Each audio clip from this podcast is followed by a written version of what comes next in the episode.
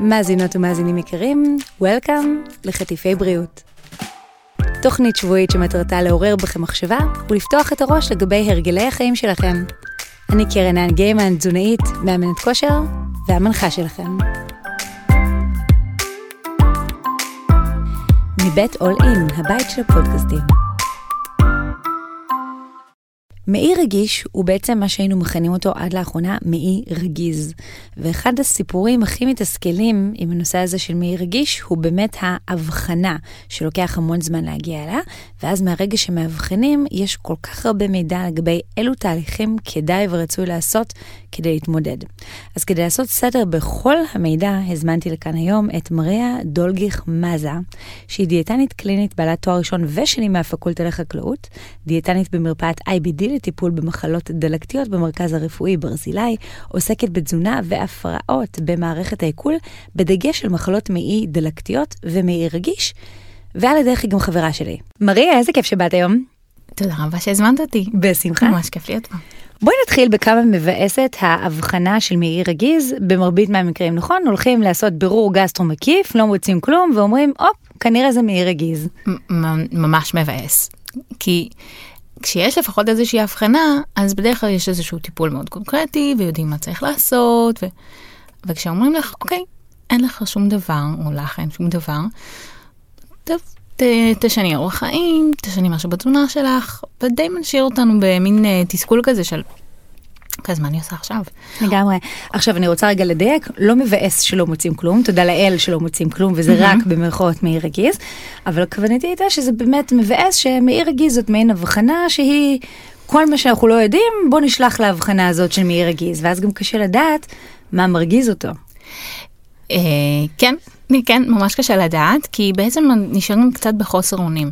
כי הרבה פעמים גם רופא גסטרו, חוץ מלטפל בתסמינים שהם מאוד קונקרטיים, אם זה בגלל עצירות או בגלל שישולים או כאבים, זאת אומרת דברים מאוד ספציפיים, אבל הם תמיד רק על פני השטח, זאת אומרת הם אף פעם לא פותרים את השורש של הבעיה, והם בדרך כלל זמניים, זאת אומרת עובר זמן ואז הם כבר לא כל כך עובדים, mm. אמ, ואז די מרגישים חסרי אונים, כי הרבה פעמים מרגישים ש... אני לא יודע מה אני צריך לאכול, הרבה פעמים אומרים להם זה הכל בראש שלך. זה, זה ממש... אה, זאת נקודה מאוד מאוד חשובה, כל הרופאות והרופאים שמאזינים לנו היום, רוב הפעמים זה לא יהיה בראש, בוודאי לא שזה משהו שחוזר וחוזר. אגב, אה, אמרת קודם אה, שלשולים, מציאויות, יש גם דברים שהם הרבה יותר סובייקטיביים, לדוגמה נפיחות. אז יש נכון. נפיחות שהיא מאוד מובהקת, ויש נפיחות שהיא לא נראית לעין, אבל למטופל או מטופלת אומרים, כן, אני מרגישה נפוחה. נכון. אז אוקיי, אז בוא נגיד ככה, מעי רגיש קודם כל, ואנחנו קוראים לו עכשיו מעי רגיש, ופחות קוראים לו מעי רגיז, כי לא רוצים להרגיז אותו. זה הרמתי לך להנחתה, איך אני אוהבת, נכון. כן, אנחנו יותר פוליטיקלי קורקט עכשיו. אז, אה, וזה נכון, זה בדרך כלל גם אצל אנשים שהם אולי באמת קצת יותר רגישים. אה, אז ויש עניין של קשר בין המוח לבטן, אולי נרחיב על זה אחר כך.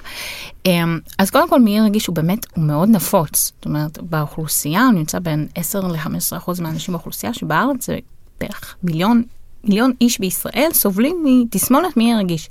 ויש לזה מנעד מאוד רחב, זאת אומרת, יש אנשים שסובלים קצת מנפיחויות, ולא בהכרח אפשר להגיד ש, שיש להם גם מעי רגיש. כדי לאבחן מעי רגיש, לאבחן אולי במרכאות, כי זה בדרך כלל באמת רק אחרי שרופא גסטרו שלח אותך לשורה של בדיקות ושלל הרבה דברים, וגסטרוסקופיה וקולונוסקופיה וצליאק, שללו צליאק.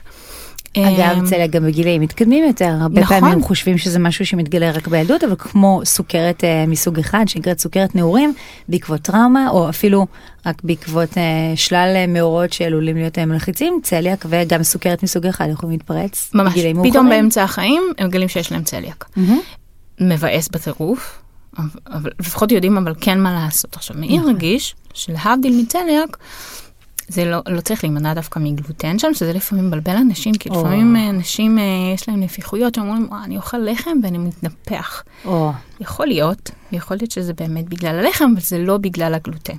אוקיי, אז אנשים שיש להם מעי רגיש, אז באמת הם קיבלו את ההבחנה הזאת, אבל מה צריך עוד להיות שם עוד קונקרטי? Mm-hmm. עניין הכאב. או. זאת אומרת, הכאב שם הוא מאוד משמעותי. זה לא סתם אנשים שמסתובבים עם נפיחות בבטן, אה, והם ידעו, הם אכלו כולם קצת אוכלים קטניות, אה, אוכלים קצת יותר מדי ברוקולי, ויש להם איזושהי נפיחות. זה בסדר, זה בסדר שלאנשים תהיה נפיחות בבטן. זה לא אומר שיש להם מעי רגיש. העניין של מעי רגיש זה באמת העניין של הכאב, הוא מאוד משמעותי, והרבה פעמים ההבחנה היא דווקא כשהכאב מוקל ביציאה. אה? אחרי יציאה. אוקיי. למרות שאני חייבת לסייג, לא תמיד גם יציאה אה, מעלימה את הכאב לחלוטין. אבל היא מפחיתה, וכמובן כן, אנחנו אבל זה- מדברות על יציאת שירותים, נכון. אוקיי? או. אז יציאה. ושירותים. אז אנחנו צריכים לבר. שיהיה פקטור של כאב שמוקל בדרך כלל אחרי יציאה. מה זה כאב? איפה? כאב כאבי בטן? בטן, כאבי בטן. אוקיי. כאבי בטן, וזה, וזה משמעותי, וזה מפריע להם באורח החיים, זה מאוד משמעותי. ועוד דבר נוסף, אי סדירות ביציאות. זאת אומרת, צריך שיהיה להם את שלושת הדברים האלה. האי סדירות ביציאות יכולה להיות שיש להם או עצירות, או שלשולים, או גם וגם. או שהם אה, לא הולכים לשיקוטים כמה ימים, ואז פתאום היציאות שלהם נוזליות אפילו. כאילו, מין מצב כזה מאוד מאוד מבלבל. זאת אומרת שתנאי הכרחי למעין הבחנה כזו של מעי רגיש, זה שיש כאבים שמלווים באו שלשולים או עצירויות או אה, יציאות קשות. כן, משהו ועל או במרקם של הצואה עצמו. או ו- שהמרקם של הצואה משתנה, ושיש מידה מסוימת של הקלה כשהולכים לשירותים. נכון, למרות ששוב, לא תמיד זה באמת נפתר, וזה עדיין אפשר להגיד שיש להם איזשהו מעי רגיש. אוקיי. וגם עוד דבר, זה חייב להימשך תקופה מסוימת, זאת אומרת, זה משהו שלא פתאום קרה לי עכשיו, או יש לי מעי רגיש, אלא זה משהו שנמשך תקופה, ב, לפי רום קריטריאז, רום ארבע קריטריאז, לפי זה מבחינים את מעי רגיש, צריך להימשך לפחות פעם בשבוע, למשך לפחות שלושה חודשים. זאת אומרת, זה צריך להיות איזשהו משהו קצת יותר כרוני. כן. עכשיו, את אמרת קודם שהכאבי בטן, כאבי הבטן, סליחה, צריכים לשבש את החיים, אבל למשל יש לי מטופלת שהתרגלה, ומבחינתה כאבי בטן הם לא משבשי חיים, כי זה מצב סטטי. אז חשוב גם להבין שאם באמת התרגלתם לכאבי הבטן, זה לא אומר שהם לא שם. נכון, להפך, הגוף שלה מאותת לה משהו, ואולי היא קצת מתעלמת, כי... או כי זה לא מתאים לה עכשיו לטפל בזה, וזה לא הזמן לטפל בזה, ויש לה סדרי עדיפויות אחרים, או שהיא לא סובלת מספיק מזה. אבל הגוף שלה כבר מאותת לה, וזה כן עניין של מי רגיש. מי רגיש זה אולי קצת סוג של, במרכאות טיפה מתנה, שהגוף מאותת לך או לך, אה, להתחיל לעשות איזשהו שינוי, כאילו הוא אומר, היי, אני פה, אני צריך קצת תשומת לב. גם אם הטיימינג לא בדיוק מתאים. כן, בדיוק. אגב, מתי טיימינג מתאים? בדיוק, אף. פעם. וכולם נורא עסוקים, ולכולם אין זמן ולטפל בעצמם, אה, אבל אף אחד אחר לא יכול לעשות את השינוי הזה במקומך כדי שלא יכאב. זהו, זו פסיכולוגיה מאוד קשה של טיפול, כי זה מאוד מאוד קל להגיד, מעולה, אני אקח כדור וזה ייעלם. אבל נכון. באמת, גם במקרים שבהם יש כדור, תמיד זה צריך להיות מלווה בשינוי תזונתי. סטטינים להורדת כולסטרול לא יעבדו טוב בלי שינוי אורח חיים. זריקות בדיוק. לירידה במשקל סקסנדה חייבות להיות מלוות בשינוי אורח חיים, אז אולי באמת זו ברכה במעי רגיש שחייבים לשנות אורח חיים ולא צריך את הכדורים שיכולים גם לעשות תופעות לוואי, אז נכון. אולי סוויץ' במוח יכול לעזור. אנחנו כולנו מחפשים פתרונות קסם, ולקחת איזה כדור שהכל ייעלם, והלוואי וזה היה נכון, ו... את אבל- מבטיחה שאם יגלו את הכדור הזה את תבואי להמליץ עליו?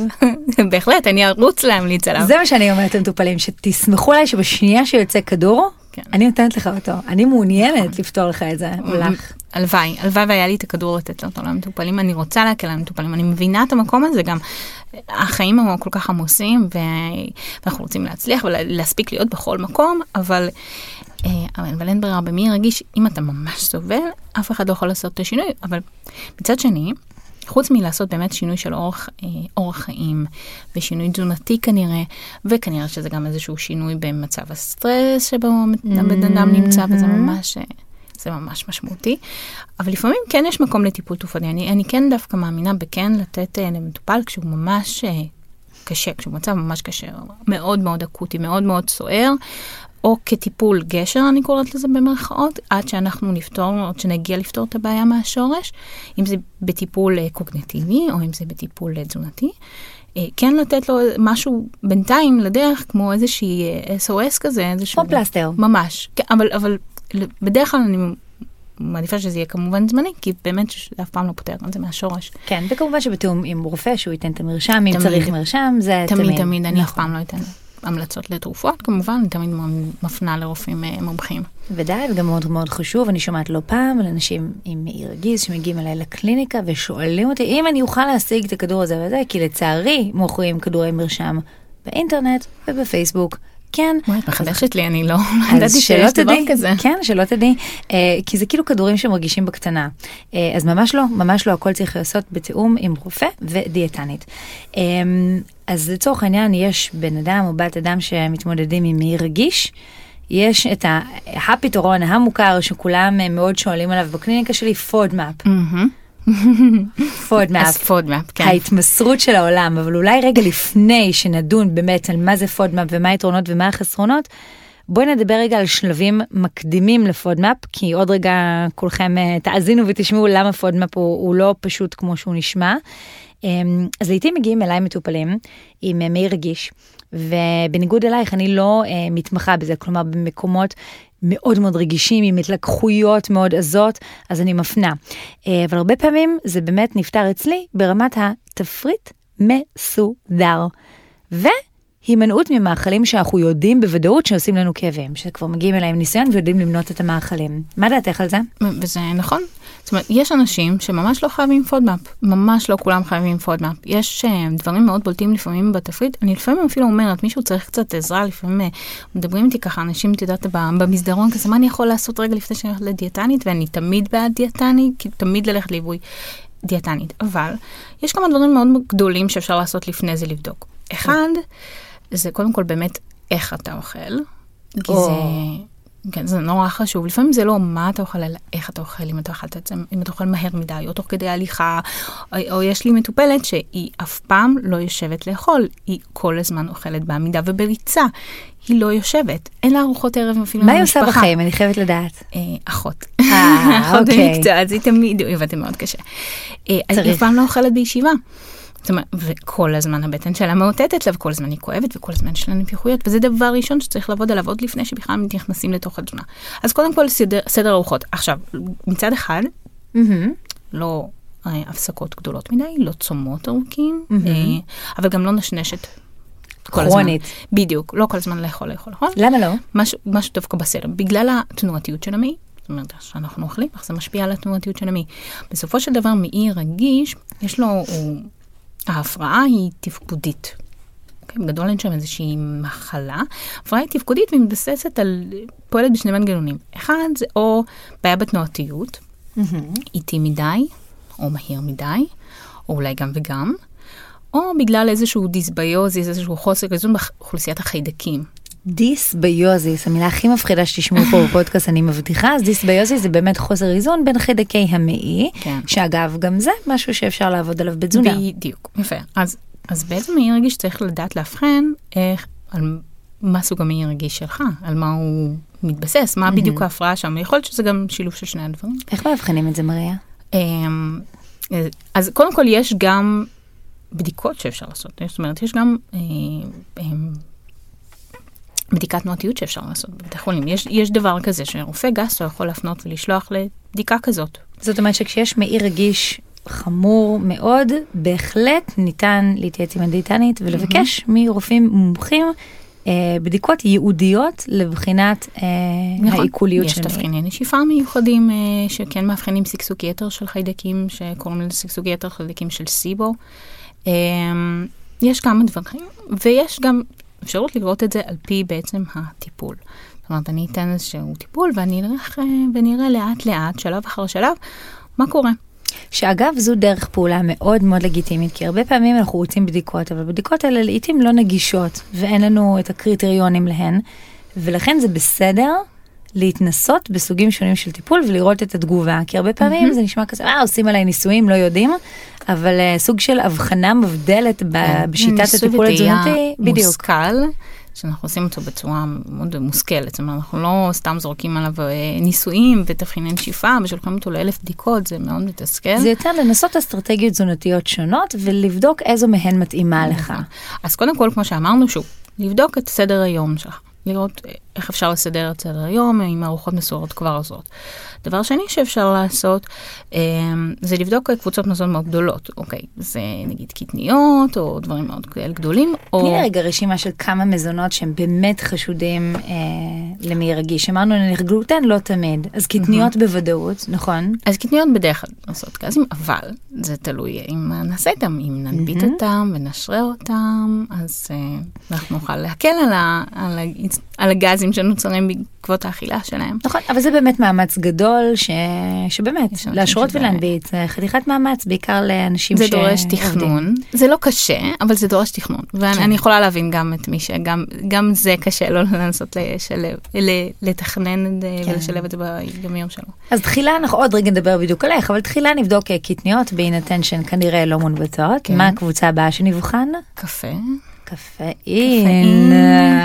אז גם קולה וזירו, כן. נכון, ושוקולד נכון. מריר בכמות גדולה. נכון, אבל זה באמת צריך לבדוק, אתה צריך לבדוק עם עצמך, אם באמת יש לך את זה בכמות מופרזת, להיות כנה עם עצמך, אם אתה באמת שותה המון קפה, או הרבה זירו, הרבה קולה, ויש לך את זה הרבה באמת בתפריט. אמרתי זירו בכוונה, כי הרבה פעמים מגיעים אליי לקליניקה באנמנזה, שזה בעצם התשאול התזונתי המעמיק שאנחנו עושות, אה, שבאמת כמות הקפה היא מינימלית.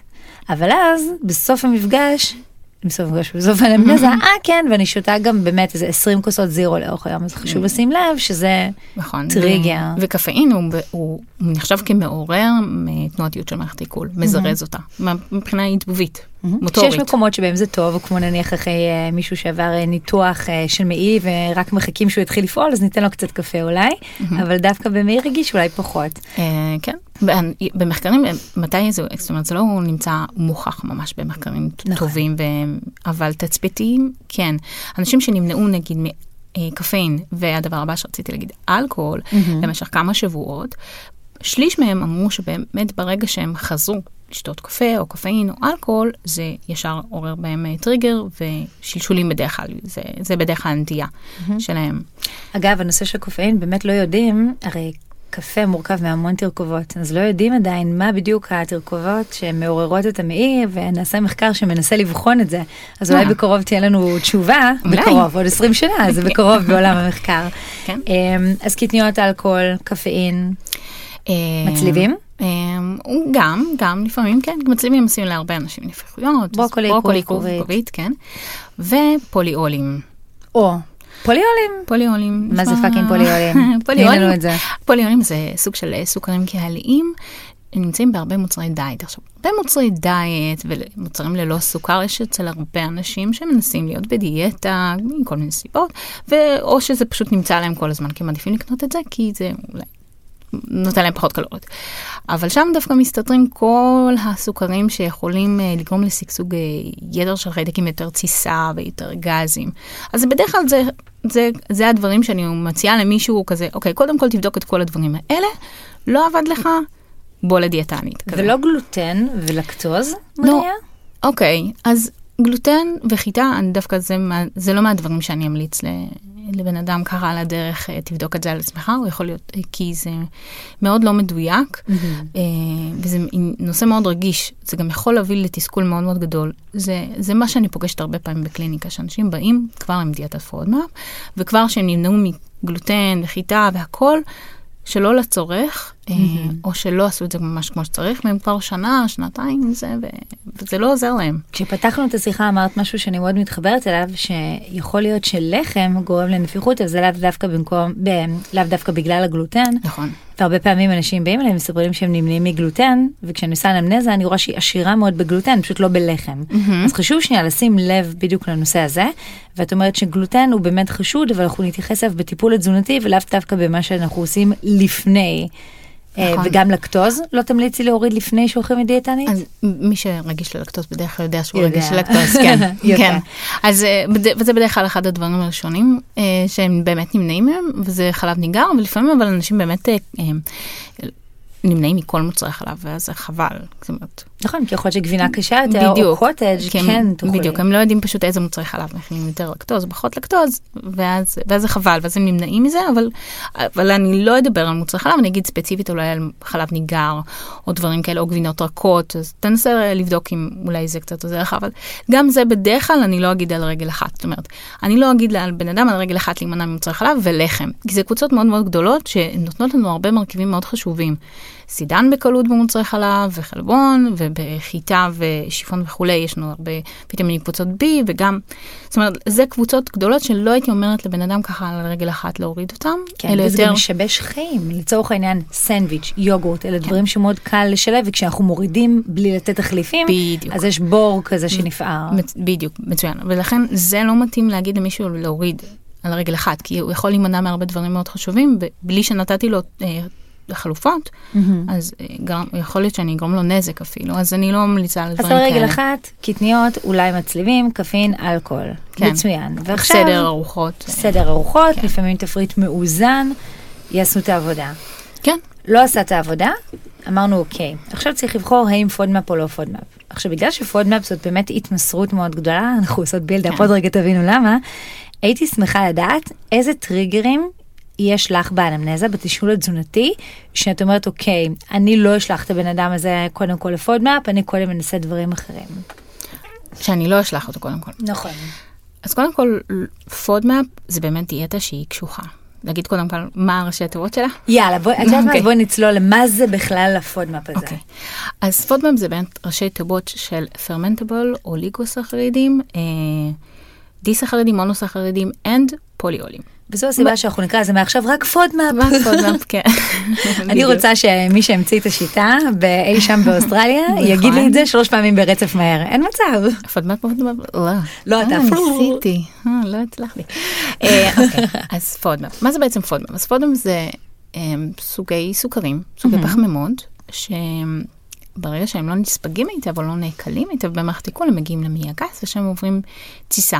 אולי אפילו כבר לפני זה, אם יש שגשוג יתר של חיידקים במעי הדק, והם בעצם אלה שעוברים את התסיסה וגורמים לנפיחות ולגזים בגלל אוכלוסיית החיידקים שנמצאת שם. ואצל אנשים שלא סובלים ממעי רגיש זה לא קורה. אמ, או שזה קורה אחרת. אין להם כאב. אין להם כאב במהלך, כלומר התסיסה שם היא נורמלית. כן.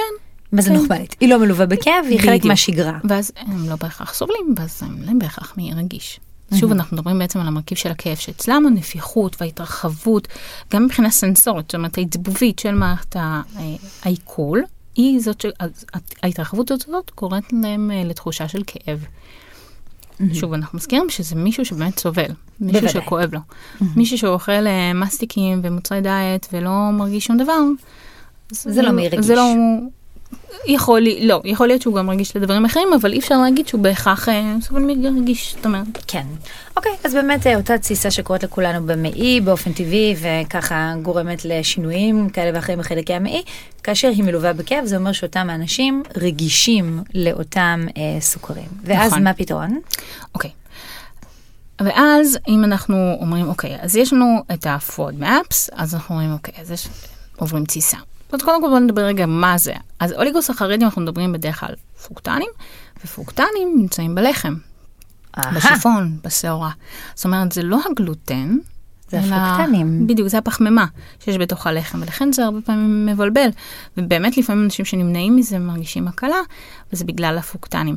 אבל זה בגלל גם סוג העיבוד של הלחם. זאת אומרת, לא אומר בהכרח שהאנשים האלה יצטרכו להימנע לחלוטין, לתמיד, אה, מלחם או משיפון או מזה, אלא זה דורש אולי איזה שהם תהליכי עיבוד אחרים. אז יש אומרת, לחמים שהם דלים באותם הסוכרים, באותם נכון. הפודמאפס. אגב, יש מאכלים שעשירים בפודמאפס, שעשירים בסוכרים אלו ודלים בסוכרים אלו.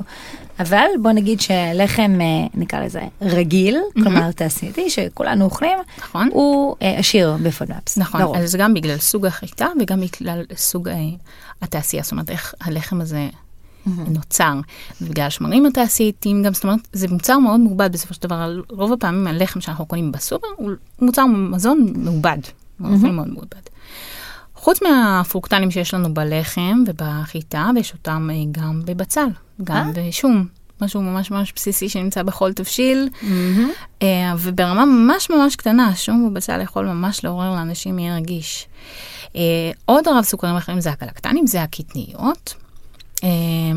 הדיסחרידים זה הלקטוז, המונוסחרידים זה הפרוקטוז, ו- P זה הפוליולים. הפרוקטוז נמצא בפירות, אבל לא רק. הוא גם נמצא בממתקים, בדיוק, מיני מאוד מתועשים, בדיוק, רטבים מוכנים. גם כאלה שהם אינם מתוקים. נכון. המבורגרים של בשר מעובד יכילו הרבה פעמים פרוקטוזה. פרוקטוזה זה באמת אותו הסוכר. וכמובן לקטוז, אבל לקטוז זה די ברור איפה זה נמצא. כן. אז זה מבחינת הפודמאפ. עכשיו, למי אני אתן דיאטת פודמאפ? של או... כמובן דיאטה דלה בפודמאפ למעשה. בדיוק. בעצם הדיאטה בנויה משלושה שלבים. השלב הראשון זה שלב שבו אנחנו נמנעים מכל הקבוצות האלה שדיברנו עליהן למשך כמה שבועות, בדרך כלל זה נע בין ארבעה לשמונה שבועות. אז קודם כל צריך שבן אדם יוכל לעמוד בדיאטה כזאת. שהוא רוצה לעמוד גם בדיאטה כזאת, שדיאטה כזאת לא תגרום לו אפילו ליותר סטרס. אה, ובטח מישהו שהוא כבר בדיאטה מצומצמת, אני בדרך כלל לא אתחיל איתם בדיאטת FODMAP, כי זו דיאטה שהיא כבר, היא גם, היא דיאטה שהיא מאוד מצמצמת את המנעד, ולכן מאוד חשוב לעשות דיאטת FODMAP עם דיאטנית, כדי שיהיו תחליפים. בדיוק, לדעת מה כן. בדיוק. כי כמו שאמרת, זה יכול לעורר הרבה מאוד סטרס, ואז mm-hmm. בהפוך על הפוך, הדיאטה הזו לא תעבוד בשביל מי שיש לו מעי רגיש, על רקע אחר לחלוטין. נכון. אז מישהו כבר מאוד מצמצם את האכילה, כנראה שזה לא הסיבה שלו. זה, זה לא... לא מתאים לו. זה לא מתאים לו. בשלב זה. בשלב יכול להיות שאני אקח רק משהו, אלמנטים מהעולם הזה, ואולי אדבר על כמה דברים, או אני אתן להם איזשהו תפריט מסודר שעובד אולי באמת על הדברים ששמתי לב בתזונה שלהם שיותר משמעותי, וכשאני אתן להם איזה שהם הצעות לארוחות, הם לא יכללו אולי דברים מאוד ישירים בפודמאפ מלכתחילה, אבל אני לא אדבר איתם על להימנע מ FODMAP, זאת אומרת, לא אצמצם להם עוד יותר את האכילה. כן. Okay, זה מצב שיכול להוביל אותם לחסר תזונתי ובכלל תסכול. זה באמת הבעיה שהם היום הכל נגיש והכל באינטרנט, FODMAPs, אפשר למצוא טבלאות, המון, המון יש מידע. יש אפליקציה של אוניברסיטת מונאש. יש אפליקציה, אני אגב מאוד אוהבת את האפליקציה הזאת, אני מאוד עובדת איתה הרבה, אה, אבל כן, אבל כשהם עושים לבד ואף אחד לא בא ונותן להם חלופות, אז הם פשוט נמנעים מהמון דברים. שאגב אפשר גם לעשות מיקס, אפשר לבוא לדיאטנית פעם אחת לקבל הנחיות למה כן, ואז לעבוד עם האפליקציה, ואז כשעוברים שלב, עוד רגע תדברי לשלב הבא, שוב לעשות אצל דיאטנית. כמובן שהגולד סטנדרט מבחינתך ומבחינתי כנשות מקצוע זה בואו נעשה תהליך, נכון. אבל לפעמים לעשות חצי תהליך, כלומר גם וגם, שילוב כזה הוא עדיף מכלום באופן משמעותי, רק לא לבד. תלוי למי. תלוי למי, ודאי. תלוי למי, כי יש כאלה שאולי באמת יכולים, יכולה לסמוך עליהם, שהם נכון. יעשו את זה באחריות, אה, ויש כאלה שאני קצת חוששת לשחרר, ויש, ובגלל זה יש אנשים שאם אני קצת חוששת שיהיה להם באמת קשה מדי מבחינת הסטרס, ואנחנו יודעים את הקשר בין סטרס ולחץ וחרדות על מעי רגיש, אני לא רוצה להוסיף על זה עוד. אה, ואני יכולה לזהות את זה על המטופל, על פי אורח החיים שלו, על פי על פי אופן השיח שבינינו, לשמוע מה קורה קצת מתחת לשטח. בוודאי. קצת להרגיש יותר את, ה, את הבן אדם, ואז לדעת האם באמת הוא יוכל בכלל להתמודד עם זה. יש אנשים שזה מאוד בא להם בקלות. כן, אני רוצה להתחיל, לעשות אתחול מחדש, להדליק ולכבות את המחשב מחדש, מה שנקרא. אה, כן, בוא נעשה את זה ככה. ו... וזה זה למי ש... רגיש, state of mind מדהים. אגב, בניגוד ל-weight loss. ב-weight loss, כשאני שומעת משפטים כאלה, יש לי נורה אדומה של רגע רגע, צריך לדבר על החיים עצמם. בפודמאפ זה דווקא יתרון לפי דעתי. אם הוא מוכן לעשות את זה כמו שצריך, כן, וגם אני בדרך כלל אומרת להם לא להתחיל מיד. אני נותנת להם את כל, ה, את כל הכלים על ההתחלה, אני נותנת המון המון מידע, ותמיד אני אגב שם לתמיכה, כי זה המון מידע, לפעמים זה too much מידע. אם תסיימי את הפגישה ואומרים, אוקיי, אני יודע מה לעשות, יוצאים מהדלת וכזה, שיט, מה היא אמרה? בדיוק, זה המון מידע, לפעמים אני שולחת גם כזה מין הרבה דפים, הרבה מידע, אבל אני תמיד אומרת להם, רגע, אל תתחילו את זה מחר בבוקר. קחו כמה ימים, לפעמים אפילו קחו שבוע, תתארגנו, תוודאו שיש לכם את כל מה שאתם צריכים במקרר, mm-hmm. כדי שלא תרגישו שחסר לכם, כדי שלא תתעקו בלי אוכל ותרגישו נורא או נורא רעבים, ו... או פשוט תישברו ותאכלו דברים אחרים שהם לא מתאימים לכם. בטח. צריך לעשות את זה לאט לאט. אז לכולם אני אומרת את זה. מה השלב הבא? אז בשלב ראשון נמנעים ממאכלים עשירים בפודמאפס מצוין, התקדמנו. אוקיי, אז אחרי בערך ארבעה, שישה שבועות, אולי לפעמים קצת יותר. אה, במידה ויש הקלה, וב-75% מהמקרים יש הקלה. הדיאטה עד כדי כך טובה, היא באמת, לרוב היא עובדת. הדבר הבא שאנחנו עושים זה להתחיל לחזור ולבדוק איזה מזונות בעצם הם אלה שמעוררים את המעי הרגיש. כי המטרה בסופו של דבר היא שתהיה להם כמה שיותר תזונה מגוונת, כדי שיהיה להם גם קל יותר להתנהל ביומיום. כדי שבאמת יהיו בשליטה גם על מה אני יכול לאכול שעושה, שעובר לי טוב, ומה כדאי לי להיזהר ממנו לכל החיים. זאת אומרת, השלב הבא הוא בעצם שלב הלמידה. ובדרך כלל יש, יש פרוטוקול כזה מסודר של אה, אוניברסיטת מונאש, אבל הדבר הראשון שאני בדרך כלל עושה, אז אני שואלת את המטופל למה הוא הכי מתגעגע, או hmm. מה הכי חסר לו. אנחנו מדברים בסופו של דבר על גוף ונפש, וזה כן חשוב. נכון. מה הכי בא לך? מה הכי חסר לך? ולפעמים בא להם לחם. למרות שזה לא הדבר הראשון שכתוב בפרוטוקול. פיצה פיתה. יכולה להבין אותם. אז אנחנו בודקים, אנחנו בדרך כלל נתחיל מלחם אה, מסוים, או, או לחם מחמצת, למרות שגם לחם מחמצת נגיד כוסמין אפשר גם בשלב הראשון, אבל בכמות קטנה. אז אנחנו בודקים עניין של כמויות. זאת אומרת, זה לא רק, אוקיי, בוא נתחיל להחזיר לך לחם, אלא כמות ושילוב, ובאיזה שעה ביום. אה, זאת אומרת, ממש עובדים. עכשיו, אני לא תמיד יודעת מראש, אה, האם זה עניין, יהיה עניין של כמות או עניין של אה, מינון. אה, וזה, ופה זה הניסוי והתהייה. וכאן מתחיל החלק הקשה. אם כולנו חשבנו שההימנעות זה החלק בדיוק. הקשה, ממש לא. החלק נכון. היותר קשה זה להתחיל להחזיר את המאכלים ושנייה להבין וללמוד את הגוף. נכון. אבל זה גם הכי מספק. אה, כן, כי כבר רואים את, את האור בקצה המנהרה. כן. זה כבר אוטוטו כבר, אה, וגם כי, שוב, כי כבר חוזרים ואוכלים דברים.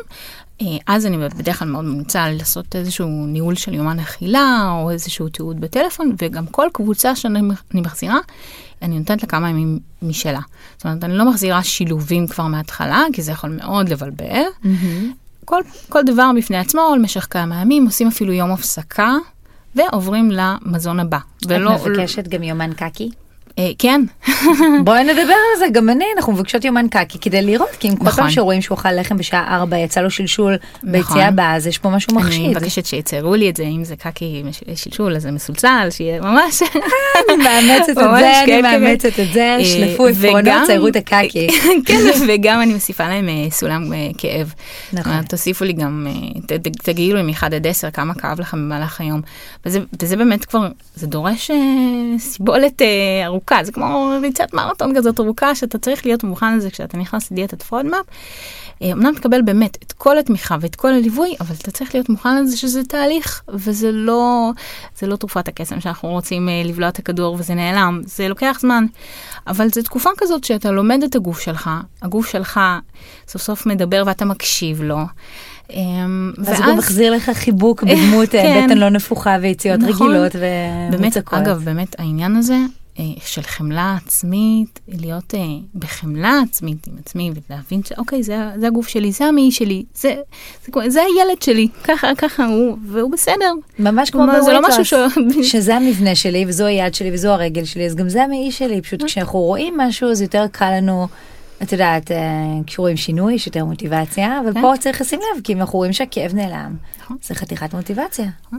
והשלב השלישי זה בעצם השלב שבו כבר עברנו את השלב השני, לקח כמה זמן שלקח, אבל כבר למדנו, למדנו מה עובד יותר טוב, מה פחות טוב, אנחנו לא יודעים את זה מראש, אני לא יודעת כמויות מראש, אה, כל אחד הוא עובד אחרת, אה, אבל בשלב השלישי זה מבחינתי השלב שבו אני מרפה ושולחת אותם אה, לחופשי. ואומרת, ומאחלת להם הרבה בהצלחה, כי זה השלב שבו מבחינתי, הגענו לגאולת הכותרת. עכשיו אתה יודע מה אתה, וזה המטרה. המטרה שלי שהוא לא יהיו איתי בליווי שנים, אלא שילמדו... שזה בניגוד למה שכולם חושבים, נכון? אנחנו לא רוצות מטופלים ארוכי אה, שנים, אנחנו רוצות לא. לשחרר הצלחות גדולות ושישמרו על זה לכל החיים, כן, נכון? אם יהיו לו שאלות בהמשך הדרך, אתה מוזמן לבוא וליצור איתי קשר בכיף, אבל לא, המטרה שלי באמת שאתה תדע לבד, תחיה שנים עכשיו ברמיסיה ואתה תדע לבד, ומדי פעם התסמונת תרים את הראש. היא מדי פעם תגיד לך, היי, הלו, מה קורה? כי לפעמים אתה אוכל עליה קצת משהו שוב, שהוא לא היה כל כך מתאים, או שהוא משהו משתנה במהלך החיים, או משהו קורה. בשלב זה אני תמיד מציעה לעשות יומני אכילה. כדי להבין האם זה משהו שקרה לי בחיים וגרם לי לסטרס ולכן, או האם באמת התחלתי לזייף באכילה שלי ואז לחזור לתפריט שאני כבר מכיר עם ה FODMAPs שלי נכון. והכמויות שלי. ו...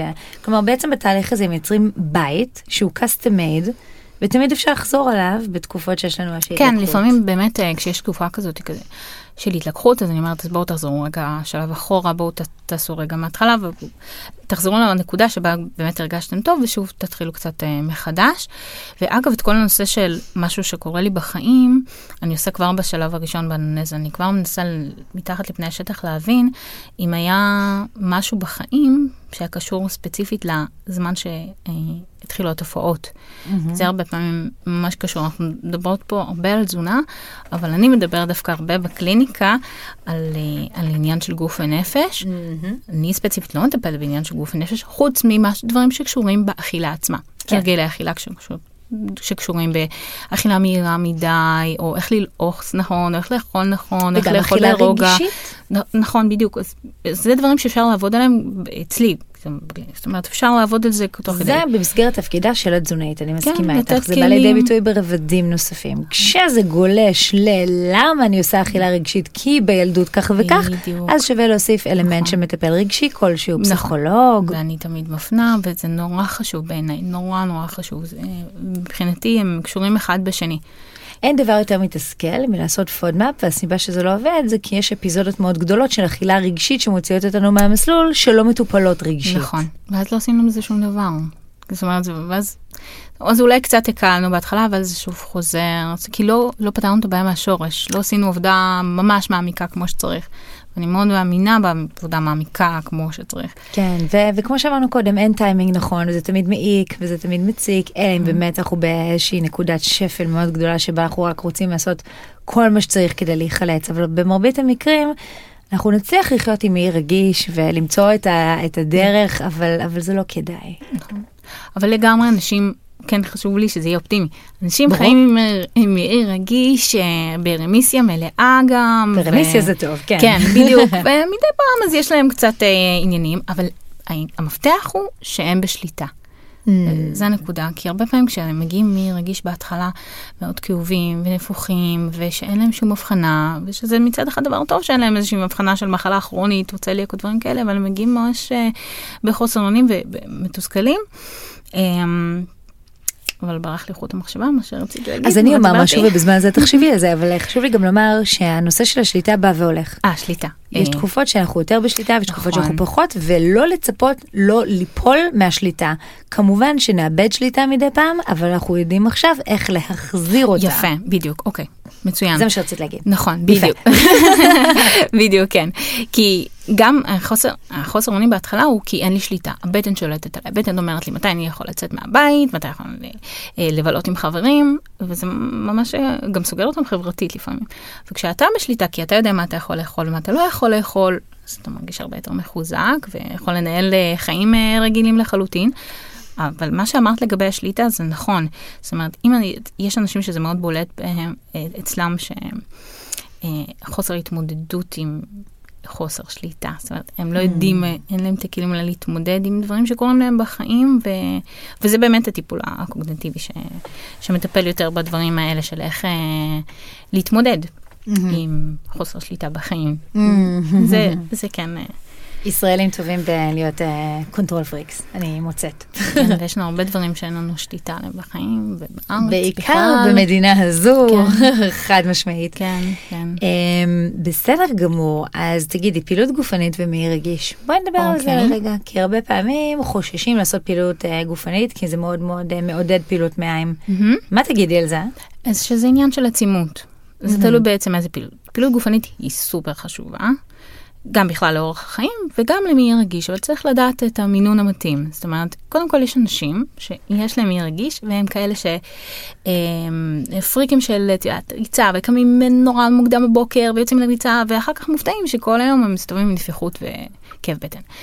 אז משהו שם הוא לפעמים לא מותאם, זאת אומרת, יכול להיות שצריך קצת להוריד את העצימות שלה, ויש גם, יש גם אה, סוגים של אה, ספורט שהם קצת יותר מתאימים למי רגיש, אם זה יותר יוגה או פילאטיס, או דברים קצת שונים, אבל גם ריצות, גם הליכה אפשר לעשות, פשוט זה עניין של כנראה של מינון.